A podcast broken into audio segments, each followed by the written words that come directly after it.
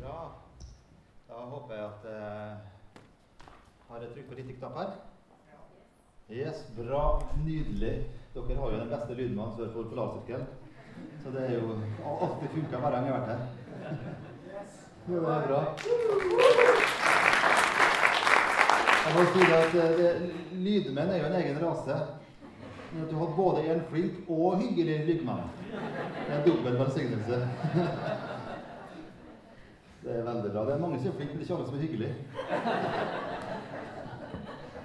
Skal, jeg har fått en bibeltekst i dag vi skal snakke om, og det er rett og slett fra Matteus. Jeg må den litt sånn, slik at jeg kan... eh, Det er Matteus kapittel 5, vers 1-12. Det er teksten i dag. Og jeg har forstått det slik at dere skal gå inn i en serie hvor dere skal snakke om bergprekenen.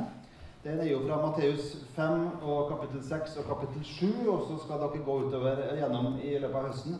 Så dette er den første, første eh, undervisningsbiten om bergprekenen. Og så var det for to uker siden har jeg forstått, litt om bakgrunnen til Matteus som en slags intro. Så, så det, blir, det blir Vi skal gå litt inn i teksten etter, etter hvert. Um, og så skal vi snakke litt om, um, om det å være en rabbi. Det hørtes skikkelig interessant ut, tenker du kanskje. Det er faktisk superinteressant. Men, eh, men, teksten er fra Matteus 5, vers 1-12, og den skal vi straks lese. Um, også, men litt av konteksten, litt av historien her, er jo at uh, Johannes døperen Han møter vi jo i kapittel 3 i Matteus. Johannes døperen var jo da slektningen til Jesus. Um, ble født litt før han. Og han var en sånn her rabbi og på Jesu og Johannes, døperen Johannes sin tid så var Israel det var masse rabbier i, i, Israel. Vi skal snakke litt om det etterpå. Men Johannes var en av dem, og han var nok et sånt uromoment. For han, han forkynner omvendelse. Venn om, for himmelriket er nær, sier Johannes i kapittel 3. Og så blir jo da Jesus Han, han blir nok ikke en disippel av Johannes, men han, han, for alle rabbiene hadde jo disipler. Eller lærlinger, om du vil.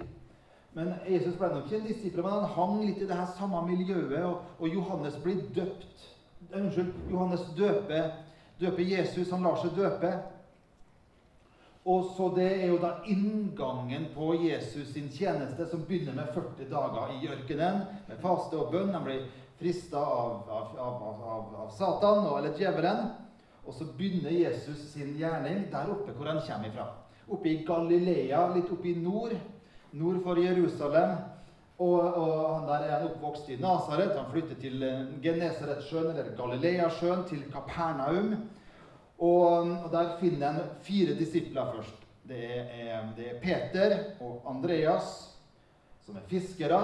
og de er sannsynligvis Faren deres er sannsynligvis fisker, og bestefaren deres var sannsynligvis fisker. Og det konkurrerende fiskeriet det var det Sebedeus som drev. og Han hadde to sønner. Det var Jakob og Johannes.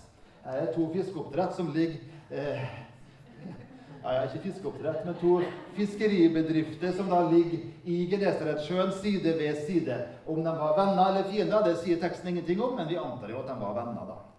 Eh, og, og fiska. Sebedeus var nok kanskje det, det største fiskeriet av de to. Det tror vi kanskje at han var en flinkere fisker, for Peter fiska jo to ganger. Først i Lukas kapittel 5, og da får han jo ingenting. Og så i, Johannes 21, tre år senere, fikk han heller ingenting. Så, så, det kan være at Johannes og, og, Jakob var en bedre fisker enn Peter og Andreas. Det vet vi egentlig ingenting om, men sånn er jo livet. Um, og så uh, er det jo da i Lukas kapittel 5 så begynner jo da Jesus å forkynne. Og det er jo den samme historien som vi da har i, i, i Matteus kapittel 4. Og I Lukas 5 så står det, at, eh, at, det var så masse folk som kom fordi at han, Jesus han gjorde under og mirakel. Det var ikke nok bare at han kalte seg sjøl rabbi. Men han gjorde sånne han, Folk blir helbreda. Og I Lukas kapittel 5 så står det at det kom så masse folk at når Jesus sto der i Kapernaum der nede, så trengte folka seg mot den, og han gikk liksom ned på stranda. Og for å ikke bli blaut på beina, så spor han Peter og, og Andreas som satt der og, og fiksa garna sine, kan jeg få lov til å sitte i, i båten deres og snakke derfra, liksom? Så sier jo Peter at ja, men det går bra. Eh, det er en rabbi. Wow. Og så sier vi da, og så ser du her i Matteus kapittel 4 at eh, etter at han har talt, så, så, så, så får da rabbi, rabbien han, han kaller Peter og, og, og Andreas til å, til å, bli lærlinger. Forlate fiskeriet. Så han sier det i vers 19 i kapittel 4. Kom, følg meg, så vil jeg gjøre dere til menneskefiskere. Og Like etterpå så er det Jakob og Johannes som får samme kall. De satt og bøtte garn, og han kalte dem. Og Straks forlot de båten og faren, dvs. Si businessen, og fulgte ham. Akkurat Hvis Peter og Johannes, hvis Peter og Andreas sin business var litt dårlig, så var det kanskje ikke så stort offer og slutte som fiskere. Men for Jakob og Johannes, som sannsynligvis gikk bedre, så var det kanskje et større offer. Så står det at han dro omkring i hele Galilea. Det er jo der oppe i nord. Nord for uh, Judea, og så har du Samaria i midten, og så har du Galilea i nord. Helt oppe i nord. Der drev han Det var liksom i utkanten. Utkants, uh, ikke Utkants-Norge, men Utkants-Israel. Drev han og underviste. Og så underviste i synagogene til jødene. og Forkynte evangeliet om Guds rike og helbreda Det står all sykdom og plage hos folket. Det er interessant at det står 'all', og ikke bare litt eller noen, men alt. Alle. Og ryktet om ham spredte seg over hele Syria. Da var det jo ikke jødene som bodde, da var det jo hedningene som bodde. Og de kom til ham med alle som hadde vondt og led av forskjellige sykdommer og plager. Både de som hadde onde ånder, de, de månesyke og de lamme. Og han helbredet dem. Store folkemengder fulgte han fra Galilea og Dekapolis var et gresk område, og fra Jerusalem og Judea de, Det var liksom, Søringene flytta nordover, liksom, for å det, var jo, det, var, det, skal jo litt til. Det skal jo litt til for at østlendingene eller sørlendingene drar til, til Tromsø, liksom, for det skjer noe. Det, det er jo det samme. Det skal være ganske svær greie også i, i nord for Polarsirkelen, nord for Bodø, om at til og med søringene skal dra opp dit for å se hva som skjer. Og det var det som skjedde her. Gikk til og med rundt Samaria sånn, for å komme fram. Og til og med fra landet bortenfor Jordan, på andre sida av elva liksom Andre sida av svenskegrensa, liksom. Bortom der kom det og Da Jesus så folkemengden, da er vi over i kapittel 5, teksten vår, vers 1. og Du kan slå den opp hvis du vil, enten du har den sånn i analog form, eller om du har den i digital form. Jeg anbefaler jo alltid analog form. Eh, men det ordet er jo det samme. Der får du til og med der oppe òg. Så da Jesus så folkemengden, gikk han opp i fjellet. Der satte han seg Interessant. Der satte han seg på fjelltur, og da setter du ned, liksom. Disiplene samlet seg om ham. Da hadde blitt disiplene. Hvor mange det nå har blitt, det, det sier jo ikke teksten noe om. Vi kan liksom tro at det er fire, for det er jo bare fire det står om. Men, eh, men, eh, men det er jo tolv, da. Vi vet jo det. Og, og, han har jo akkurat kalt disiplene. Og legg merke til, til kallet som disiplene får, som vi las i, i kapittel 4 her. Kallet begynner med 'Kom, følg meg'. Og så vet vi at det er kallet det slutter i Matteus kapittel 28, vers 19, hvor kallet begynner med 'gå'. Så det, kallet begynner med et 'kom', og så slutter det med et 'gå'. Så du får 'kom' og gå. Det blir liksom Hele Matteus kallet til etterfølgelse innrammes av et kom og et gå. Så da sitter de her, disiplene, folkemengden. Er det mange som er der? Ja Det står det disiplene samla seg om en. Um, det kan være at folkemengden ikke gikk opp i fjellet. Og så, vers 2 Han tok til orde og lærte dem Jeg skal komme tilbake til det å lære etterpå. Og så kommer denne her berømte det vi kaller for saligprisen. Salige er de som er fattige i ånden, for himmelriket er deres. Salige er de som eh, sørger, for de skal trøstes. Salige er de ydmyke, for de skal arve jorden. Salige er de som hungrer og tørster etter rettferdigheten, for de skal mettes. Salige er de barmhjertige, for de skal få barmhjertighet. Salige er de rene av hjerte, for de skal se Gud. Og salige er de som skaper fred, for de skal kalles Guds barn. Og salige er de som blir forfulgt for rettferdighets skyld. For himmelriket er deres. Ja, ja, salige er dere når de for min skyld håner og forfølger dere, lyver og snakker ondt om dere på alle vis.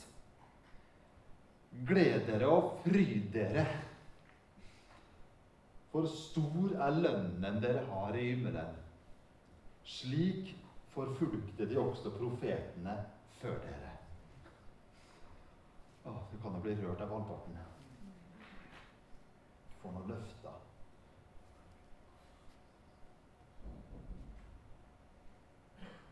Vi skal gå litt inn i teksten etterpå, men vi må ta noe om det med, med disippelskap først. Om det å være en rabbi. For å forstå denne teksten så, så må, vi, må, vi, snakke litt om det. I uh, den tida vi går inn i, år 30 ca., så er vi i det vi kaller for den andre tempelperioden.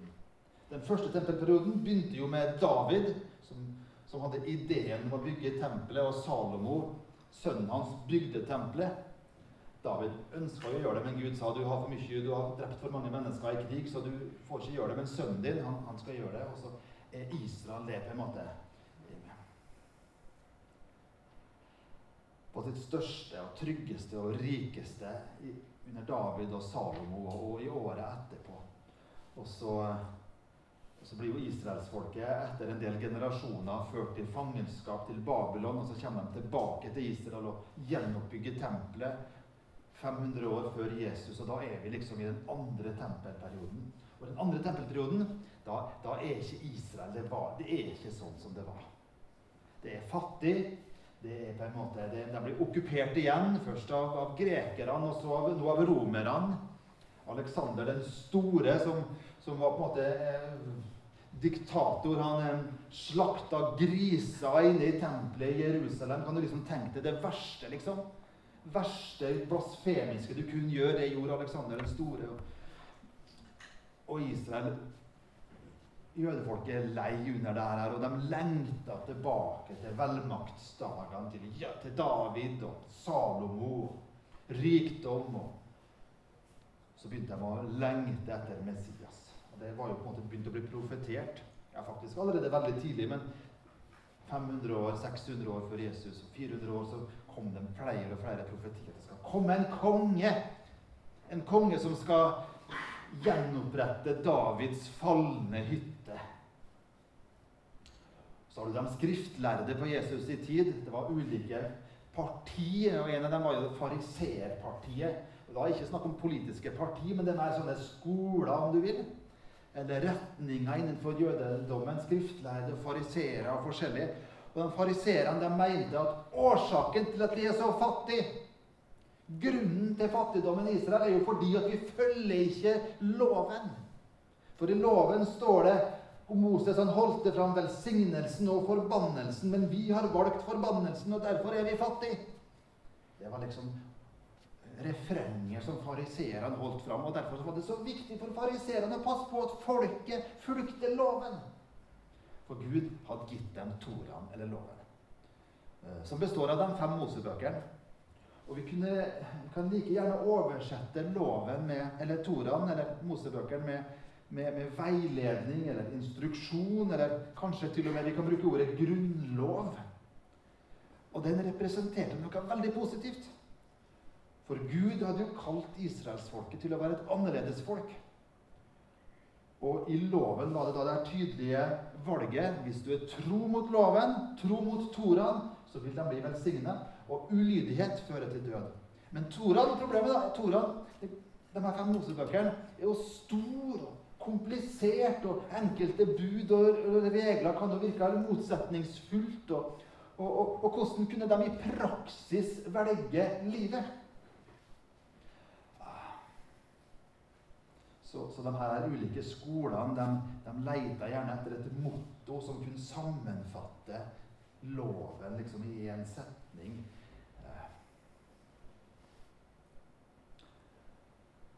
F.eks. de ti bud var en sånn sammenfatning. Eller eh, det vi kaller for skjema, 5. Mosebok, kapittel 6. Hør, Israel! Herren vår Gud, Herren er én!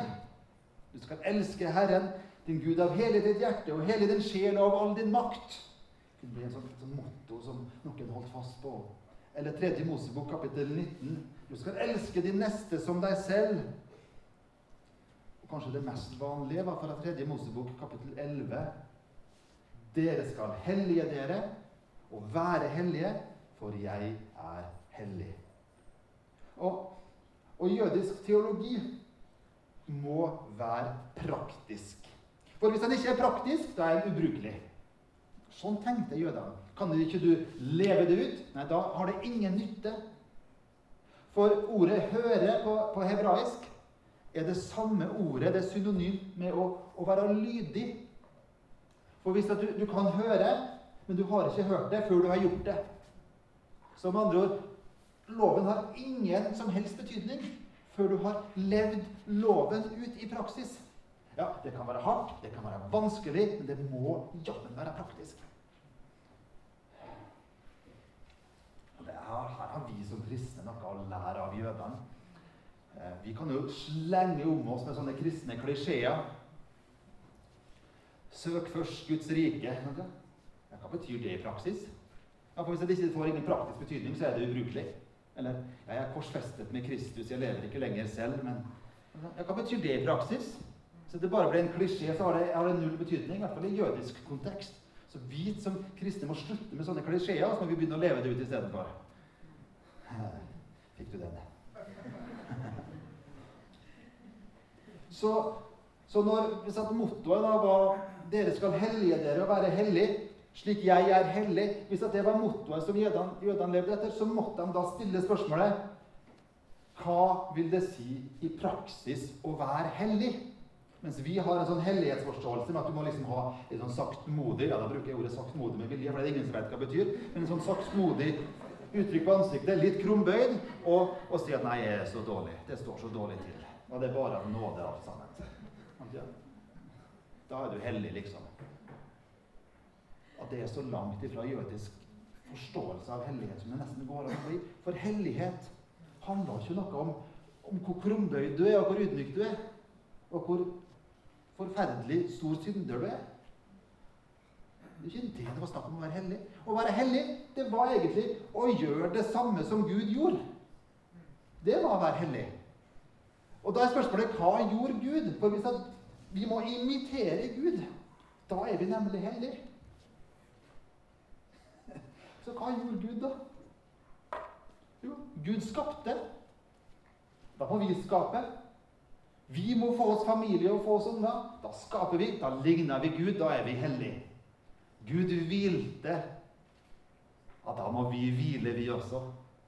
Derfor er det viktig å hvile skikkelig, folkens, for da ligner vi Gud. Da er vi hellige. Og ifølge, ifølge den muntlige tradisjonen til jødene så arrangerte Gud bryllup for Adam og Eva.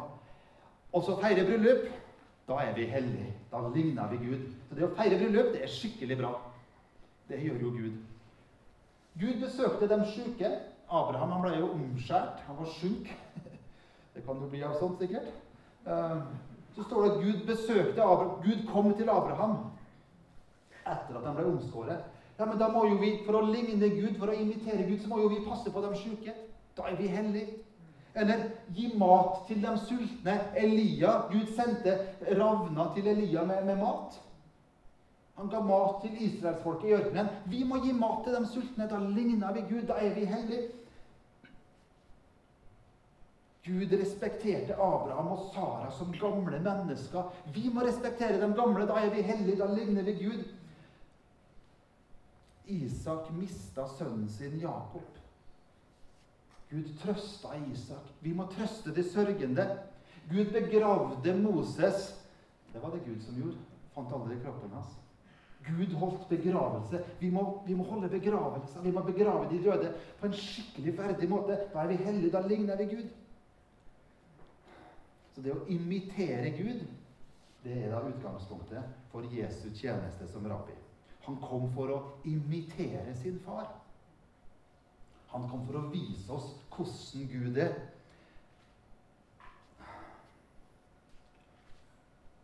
Og Gud blei menneske for at mennesket kunne bli som Gud. Gud blei menneske. Far blei altså, Gud blei menneske. Far sendte sin sønn for at menneskesønnene, vi menneskebarna, kunne bli som Gud. Og Det er jo det Jesus også sier, at 'jeg gjør ingenting uten at' står det i Johannes, 'uten at far har vist det for meg'. Så han gjør ikke noe uten at far har fortalt ham det først. Og da er vi inne i kjernen på disippelskap.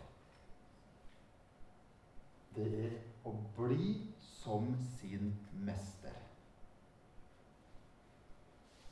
En av de praktiske implikasjonene av, eh, av jødene sitt ønske om å være hellig, det var at de utvikla et sånn radikalt skoletilbud. For hvordan kunne de være annerledes enn de andre nasjonene hvis de ikke kunne lese Guds ord? Derfor så måtte alle barn pugge og lære seg å lese Guds ord. Så de kunne Toraen gjerne utenat. De kunne eh, profetene gjerne utenat. Og, og, og, poesien, salmene og visdomslitteraturen. De kunne det. Altså, om ikke alt, så var det vanlig at de kunne det utenat. Og de guttene som var flinkest til å lære seg de, Når du ble 15 år, så fikk du gjerne spørsmål om du kunne være lærling hos en rabbi eller rabbidisippel. Og målet med å være rabbidisippel var ikke det motsatte egentlig av norsk skolegreie. For i Norge så er det slik, og i vestlig verden så er det slik at målet er at du skal repetere kunnskap. En, en, en, en prøve, f.eks. skolen du, du, kan repetere kunnskap i, i, i kjemi og biologi, eksempel, men det betyr ikke at du har forstått det. Du må bare repetere kunnskap. Jødisk tradisjon er helt annerledes. Målet var ikke å repetere kunnskap som rabbien lærte deg, men målet var å bli som sin rabbi.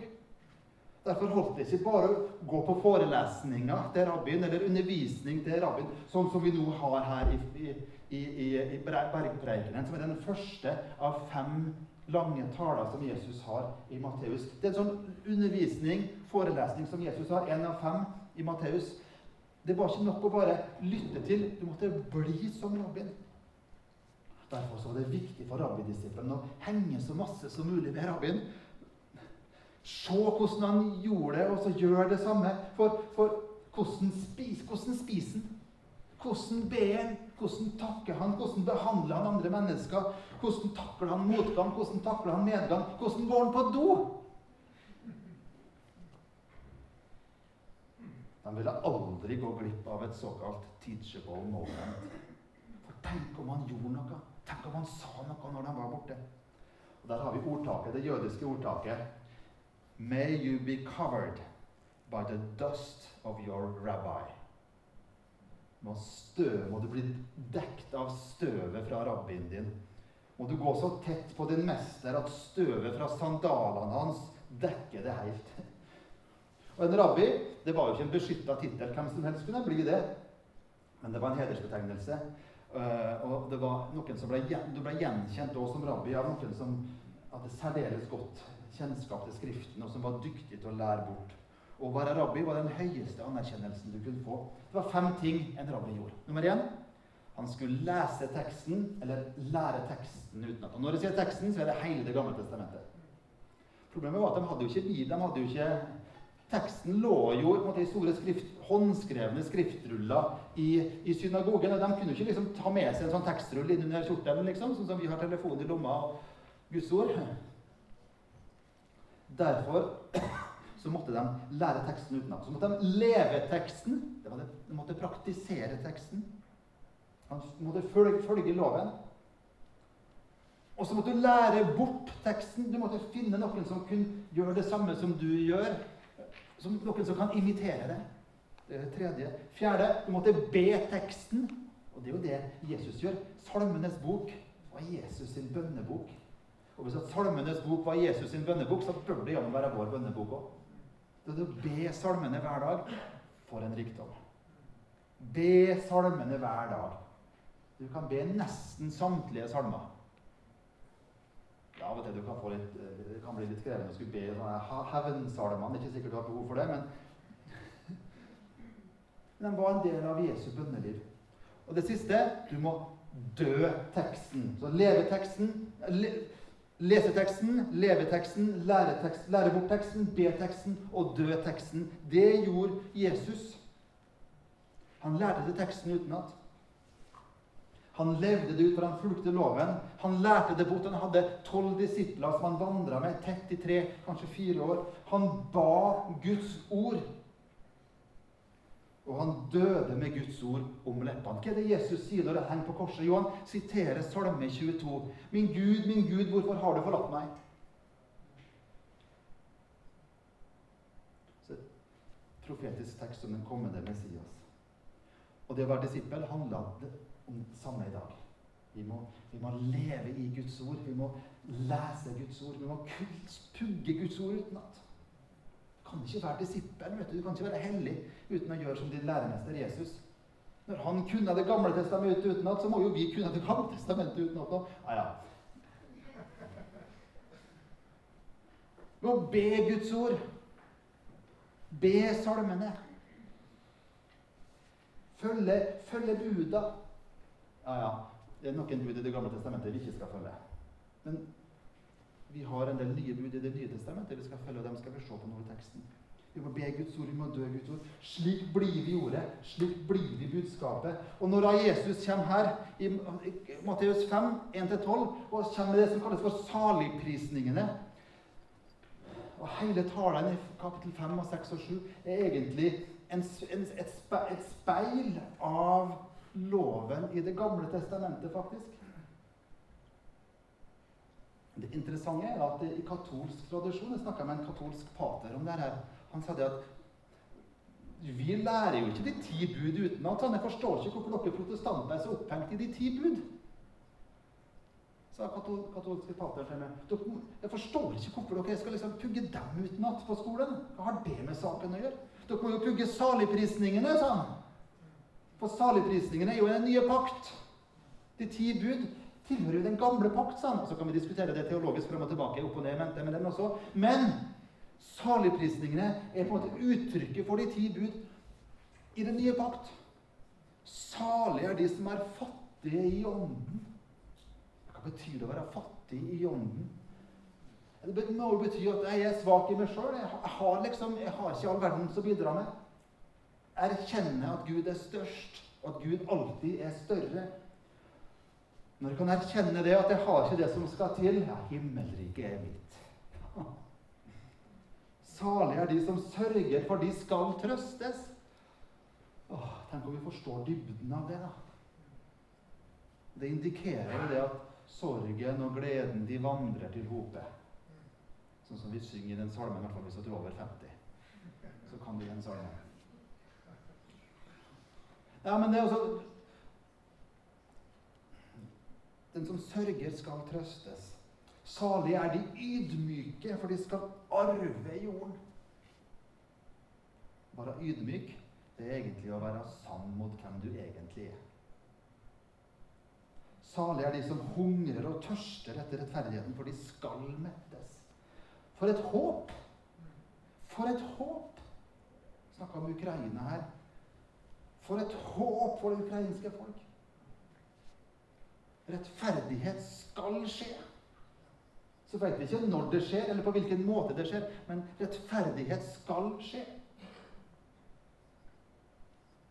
Både for den som har lidd individuell urettferdighet i form av overgrep, i form av mishandling, i form av baktalelse, utestenging, mobbing.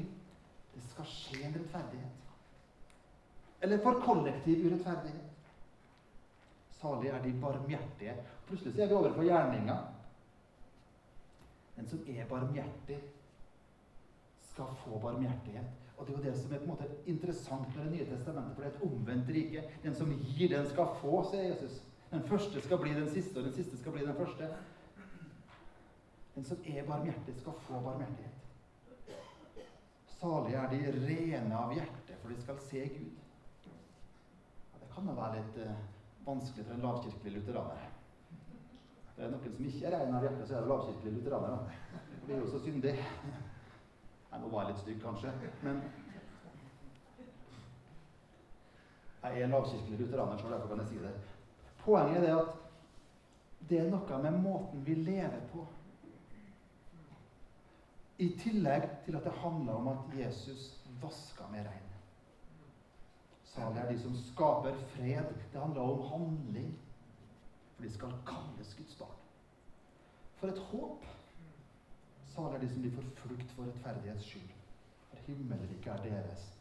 Og så legger han på det generelt Så legger han på etterpå det med forfølgelse for Jesu navns skyld. Gled dere og fryd dere. For en håpefull tekst.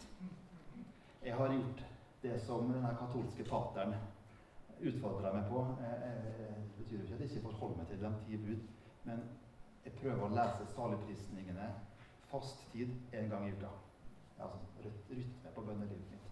En dag hver mandag til lunsj så er det saligprisningene. Kjenner jeg hvordan ja, det blir en slags påminning på holdningene mine. For det her handler om holdning. Så blir det en påvirkning på handlingene mine, for det handler om handling. Begge deler. Og så blir det en påminning på håpet jeg har. Salig, hva betyr salig? Det engelske ordet for salig er jo 'blessed', eller 'velsignet'. Salig er går dypere bare det å være velsignet. Det handler om evighet. Salige visshet. Jesus er min. Den, det handler om en, en, lykke her. Noen har oversatt salighet med, med, med, lykkelig, men det er en evig lykke det er snakk om. Fordi at eh, de skal trøstes. Salige er de som sørger for de skal trøstes så er det ikke sikkert at all den trøsten vil skje i dette livet. Men fordi at salighet har et, et evighetsperspektiv, så vet vi at en dag så skal vi endelig trøstes. Om vi ikke opplever rettferdighet nå, så en dag så skal vi oppleve rettferdighet. Og om vi ikke ser Gud det kan jo òg oppleves at vi, Gud er borte for oss. En dag så skal vi se Gud.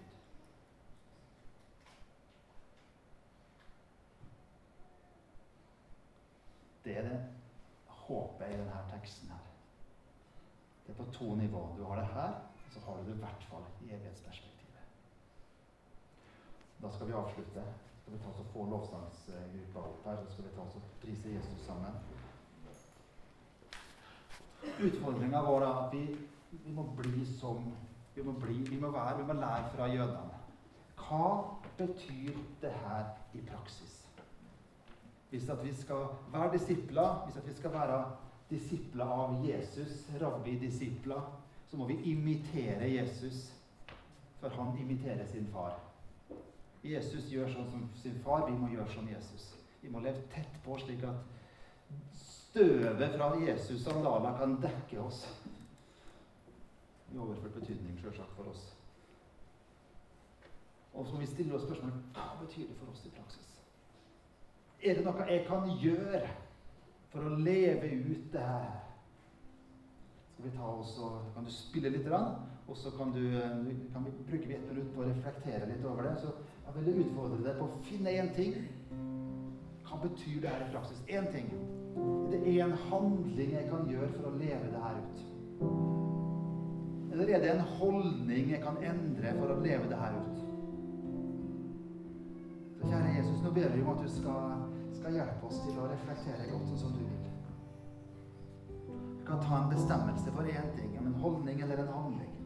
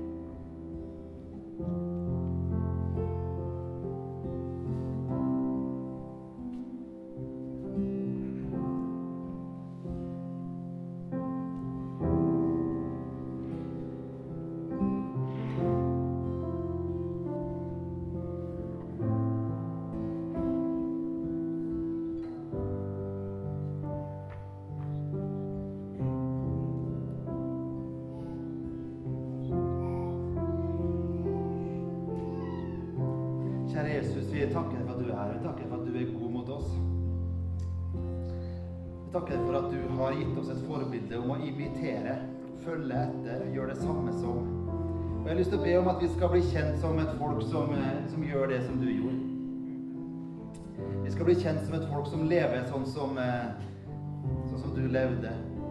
Og du, du ble menneske for at vi kunne bli som det, Gud. Så kom du, Hellige Ånd. Vi ber om at du skal komme, Hellige Ånd, og så skal du eh, berøre oss. Slik at vi skal få bli et folk og enda mer som lever i ditt ord, og er i ditt ord, og ber ditt ord. Lærer bort ditt ord, og et folk som en dag skal dø som Jesus med ditt ord på våre lepper. Men da skal vi ikke si 'Far, du, hvorfor har du forlatt meg?' Men vi skal få lov til å si at 'Gud, du er her'. Jeg kommer for å se deg. Kom du, Hellige Ånd. Vi ber om at du skal La ditt ord få lov til å ta, ta, bli en del av oss enda mer. Vi skal få lov til å leve ditt ord. Tro på ditt ord. Kjære Gud, vi ber. Kjære Gud, vi ber. Skal vi ta oss og reise oss opp? Og så skal vi ta oss, når vi har sittet lenge, reiser vi oss opp, og så eh, vi vi aktivisert Vi har ånd og sjel og kropp, og da må vi aktivere kroppen vår litt. Og så skal vi få lov til å prise Jesus sammen. Og så har jeg lyst til å si det slik at hvis du kjenner at jeg trenger å bli bedt for, så, så eh, Mens at vi Hvor skal vi gå hen? Der nede. Der er det forbedra. Der borte. Der er det forbedra. Så forbedrerne kan egentlig bare gå dit med en gang. Og så er det slik at vi, eh, vi har lav terskel her på å gå til forbønn. Vi, vi har ikke fokus på dem som går til forbønn, vi har fokus på Jesus. Så hvis du vil gå til forbønn, så gjør du det. Kjenn at å, jeg trenger å bli bedt for. Enten at jeg trenger at eh, det som vi har snakka om, jeg må ta en beslutning for noe. Jeg må, det her må bety noe praktisk. Så kan du få, Hvis du har bestemt deg for én ting som vi snakka om, en, en endring av holdning eller handling, så kan du gå så kan du si at det her, her vil jeg endre. Én ting jeg bestemmer meg for i henhold til det vi har lest, slik at det får et praktisk utløp. Slik at det ikke bare blir hodekunnskap. Så kan du si det til den du blir bedt for, og så kan du si kan du be for meg. Men det kan være andre ting du kjenner hva jeg trenger å bli bedt for. Står i noe, eller har det et vanskelig nå, eller et eller annet, så kan du komme og bli bedt for. For et privilegium det er å bli bedt for. Og så øh, begynner vi å synge, og så tilber vi Jesus sammen. Helt til ungene kommer, og kanskje litt etterpå, det får vi jo se. Og så, øh, så kan du gå til forbønn for den som trenger kjære Jesus. Vi tilber deg, Vi tilber deg Jesus. Kongenes konge og herre.